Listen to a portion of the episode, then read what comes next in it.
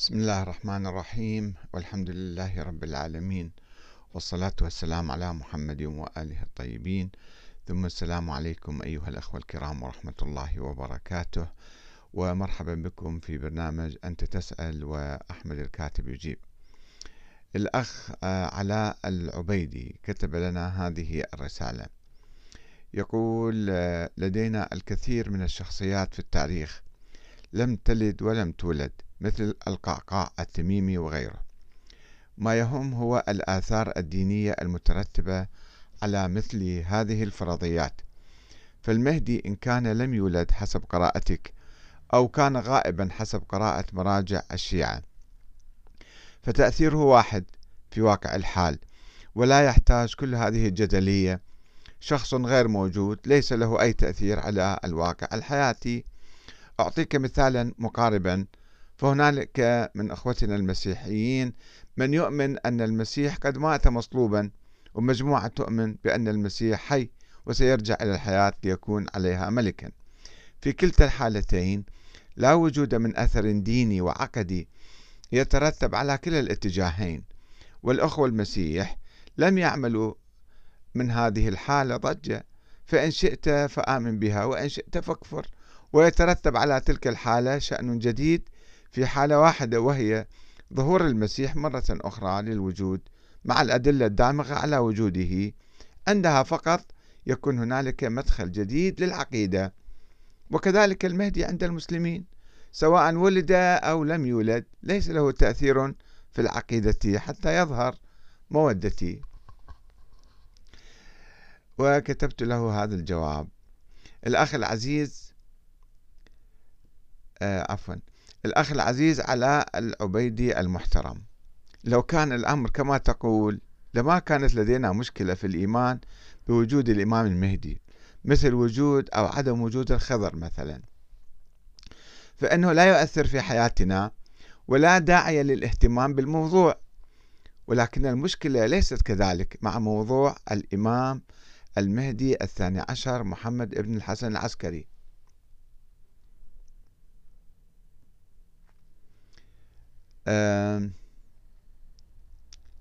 عفوا. آه، فإن هذه الفرضية ممتزجة فرضية وجود الإمام الثاني عشر. هذه الفرضية ممتزجة مع فرضية أخرى هي فرضية أو نظرية الإمامة الإلهية. وأن الثاني عشر هو المهدي المنتظر.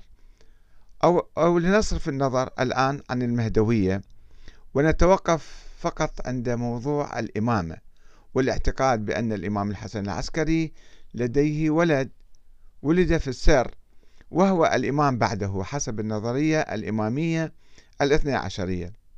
وأن ذلك الإمام حي وغائب فماذا يترتب على هذه النظرية؟ إذا راجعنا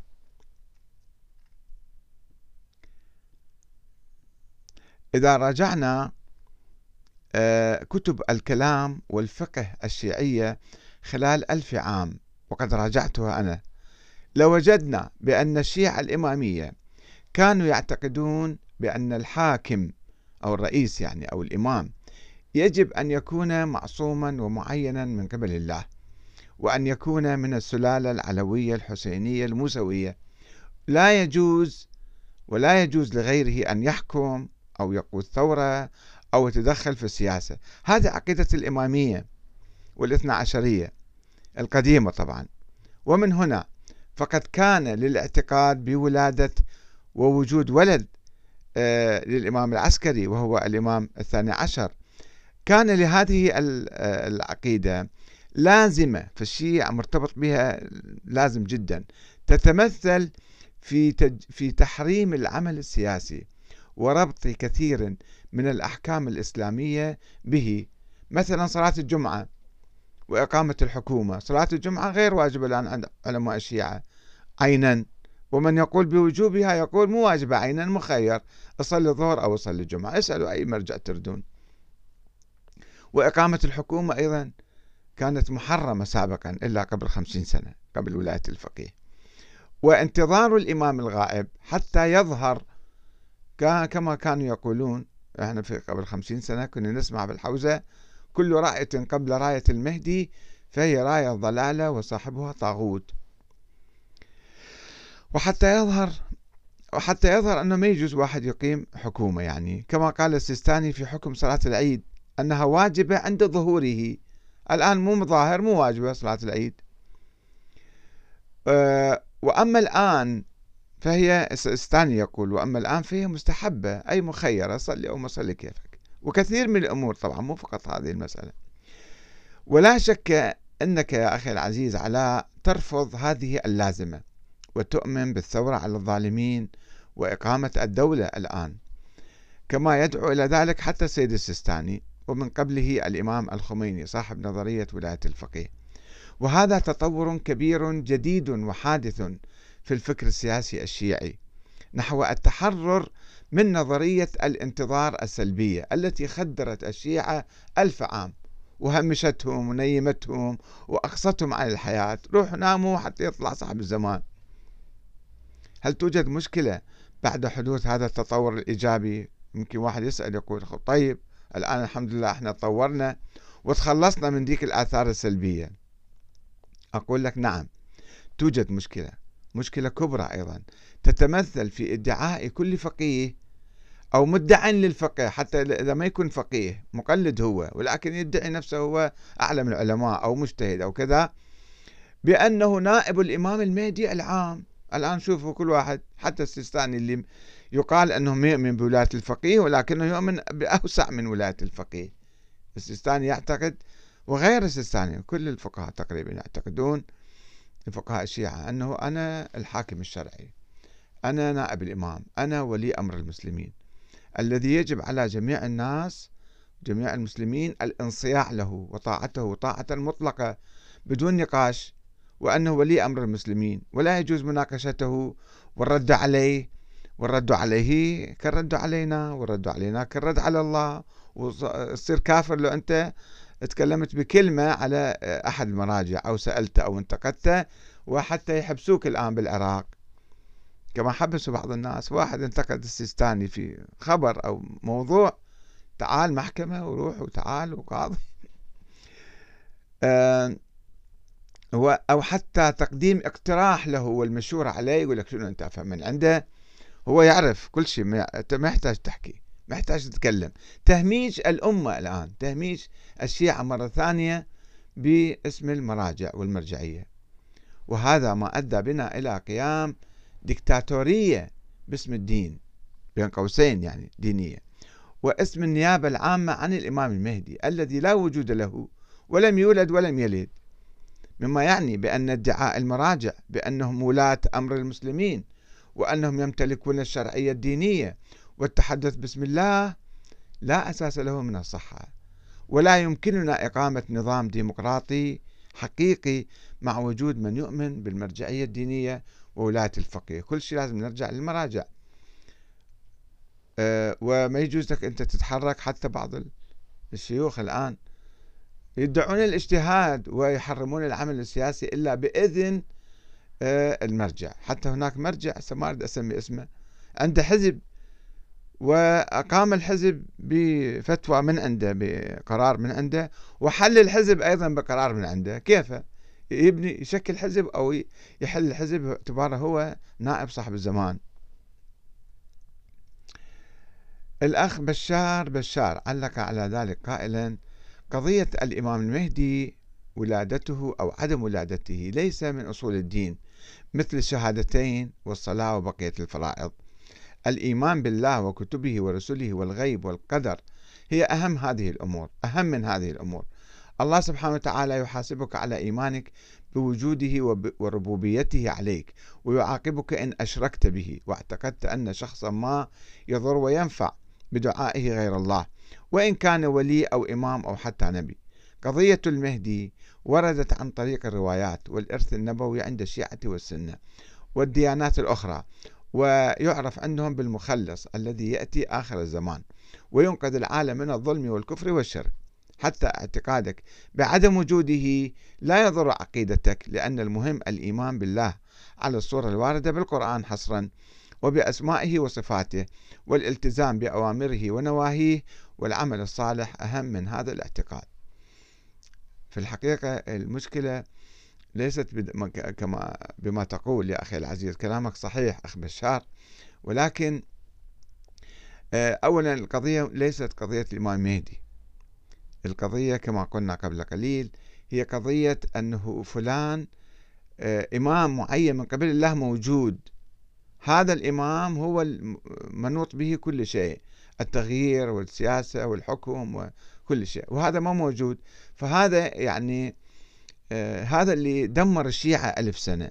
وأيضا هو الذي عزل الشيعة. عزل الشيعة وخلاهم يعتقدون أنهم عندهم نظرية خاصة وهم الفرقة الناجية وهم على خط أهل البيت. وهذا مو أهل البيت. الإيمان بوجود الثاني عشر لا يعرفه أهل البيت. لا يعرفه أئمة أهل البيت ولم يتحدثوا عنه. وإنما هذه قصة اخترعها بعض الناس بعد وفاة الحسن العسكري. فشوفوا إحنا خارجين عن مذهب أهل البيت ونعتقد نفسنا إحنا على خط أهل البيت وإحنا الشيعة فقط وإحنا وبعدين آثار آثار هاي النظرية السلبية. أنا نعتقد نظرية الإمامة صحيحة هي وصلت إلى طريق مسدود وانتهت وانقرضت وبعدت نظرية الإمامة ما موجودة من 1200 سنة. ولكننا نعتقد النبي عين الإمام علي والإمامة استمرت وهي موجودة في الإمام الثاني عشر اليوم. ونتخذ مواقف سلبية تجاه من لا يؤمن بنظرية الإمامة أو من اغتصب حق الإمام علي وحق الأئمة الآخرين. وبالتالي لا نستفيد من هذه النظرية سوى أنه إحنا آه، يعني نزرع الحقد على السابقين واللاحقين يزرعون الحقد علينا ويعادونا ويكرهوننا و يعني تحدث مشكلة وفتنة طائفية. الأخ سيد علاء الجابري يقول كلام لا ينتمي للواقع بشيء. لم نرى مجتهدا أو فقيها شيعيا فرض على أحد أن يقلده أو يأخذ بآرائه ولم نرى مجتهدا عاش طاغية أو متسلطا على رقاب الناس بل زاهدين معينين معين معينين غيرهم على طاعة الله تعالى. فلم أسمع بفقيه أرسل رجاله ليجبر الناس على العبادات ولم أرى فقيها سجن الناس لإيمانهم بالإمام المهدي. أو آه، أو أو لا. اتقوا الله قفوهم إنهم مسؤولون. يا أخي العزيز أنت لا تنظر في محيطك فقط أخي العزيز سيد علاء الجابري. انظر شوية أوسع. ألم يكن يقولون في إيران الموت لمن لا يؤمن بولاية الفقيه والآن إذا واحد ما يؤمن بولاية الفقيه ما يسجن ما آه، يعذب ما يطرد ما يفصل ما يقصى هذا أثر موجود. وحتى في داخل العراق أنت عندك تسوي مرجعية صحيح يمكن المرجع هو يقول أنا زاهد وعابد وأكل خبز وبصل يوميا ولكن بالتالي الوضع السياسي يكون بيديه يوم يعزل رئيس يوم يحط رئيس يوم يشيل هذا يوم يحط ذاك.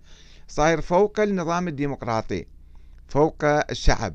وكما آه، قال الإمام الخميني في يوم من الأيام آه، أنه لو عقد الحاكم يعني الفقيه اتفاقية شرعية مع الأمة فله الحق أن يلغيها من طرف واحد إذا رأى بعد ذلك أنها مخالفة للإسلام أو مخالفة لمصلحة البلاد هو إذا شاف واحد. يعقد اتفاقية شرعية ينص على ذلك. مثل الدستور مثلا. يقول هاي اتفاقية شرعية. بس يحق له أن يلغيها من طرف واحد. إذا هو شاف هذه ما تسوى بعدها ما تفيد ضد الإسلام ضد مصلحة البلاد. اتفاقية شرعية أنت لازم إذا يعني رأيت أنها مخالفة للإسلام أو مخالفة لمصلحة البلاد تنزل إلى الناس وتقول يا هاي الاتفاقية أو هذا الدستور يعني مثلا. هذا مو صحيح. خلينا نغير الدستور. مو أنت بكيفك وحدك تقرر تلغيها من طرف واحد. فهناك سلطة روحية وسياسية الآن المرجعية بالعراق ما عندها ديك السلطة العسكرية حتى تفرض نفسها. بس أناس أقل من المراجع عندهم سلطات عسكرية ويفرضون أنفسهم على الناس في الانتخابات وغير الانتخابات بالساحة. ويتحدون أي واحد بكلمة مثلا ينتقد زعيمهم أو ينتقد مرجعهم أو ينتقد كذا رأسا يصفوه أو آه، يعني يحاصروه أو ينتقدوه. وإذا أنت انتقدت في النظرية الآن خلي واحد يطلع بالعراق علنا يقول أنا أنتقد النظرية المرجعية. المرجعية باطلة المرجعية بدعة مثلا. لا أؤمن بنظرية الإمامة لا أؤمن بنظرية المهدي. ماذا يفعل به؟ ماذا يفعل به هم هؤلاء المراجع المستكينين مسوين نفسهم مساكين. فيا أخي يأخذون أموال الناس بالخمس وغيرها وما يقدمون كشف حساب. كم دخلهم وكم آه، صرفوا مثلا. يقولون نحن نصرف بالملايين مئات الملايين. روحوا شوفوا حساباتهم. ولكن كم دخلكم؟ من أين أتتكم هذه الأموال؟ لا يقولون ذلك. فعندنا مشكلة كبيرة يا أخي العزيز. آه الأخ حسين علي الجبوري يقول وسهم الإمام. نسيت دكتور لازم يعطى لنائب الإمام. طبعا. فهناك مشكلة في الحقيقة عملية مرتبطة. إحنا فكرنا السياسي وفكرنا الطائفي ليش أكو طوائف أصلا بيناتنا؟ ليش أكو شيعة وسنة بالمسلمين؟ لأنه إحنا نؤمن بنظرية متميزة عن بقية المسلمين نظرية وهمية. يا ريت كانت حقيقية أو من الدين أو ثابتة بتأويلات القرآن الكريم وتأويلات الأحاديث صانعين فرد نظرية إحنا الآن وهاي النظرية هي التي آه، تؤثرنا وتفرض الحدود حوالينا وتعزلنا عن الآخرين وإحنا صارين شيعة وهم سنة على شنو؟ ما يجوز تصلي وراهم ما يجوز تعطيهم خمس ما يصير تعطيهم زكاة ما يصير آه، تفعل كذا ما يصير تنتخبهم بالانتخابات ليش التمييز هذا الطائفي؟ هاي الطائفية مشكلة. الطائفية جاية من الإمام المهدي من محمد بن الحسن العسكري الشخص الموهوم الذي لم يولد. هذه انعكست في حياتنا اليوم. انظر إلى آه، حياتك. وكل ما يتعلق بأمورك الاجتماعية والسياسية. حتى الزواج في مسوي عقدة. تتزوج وما تتزوج يجوز لو ما يجوز من الآخرين. عندنا مشكلة عندنا مشكلة عميقة يجب أن نفكر فيها ونحلها من الجذور. والسلام عليكم ورحمة الله وبركاته.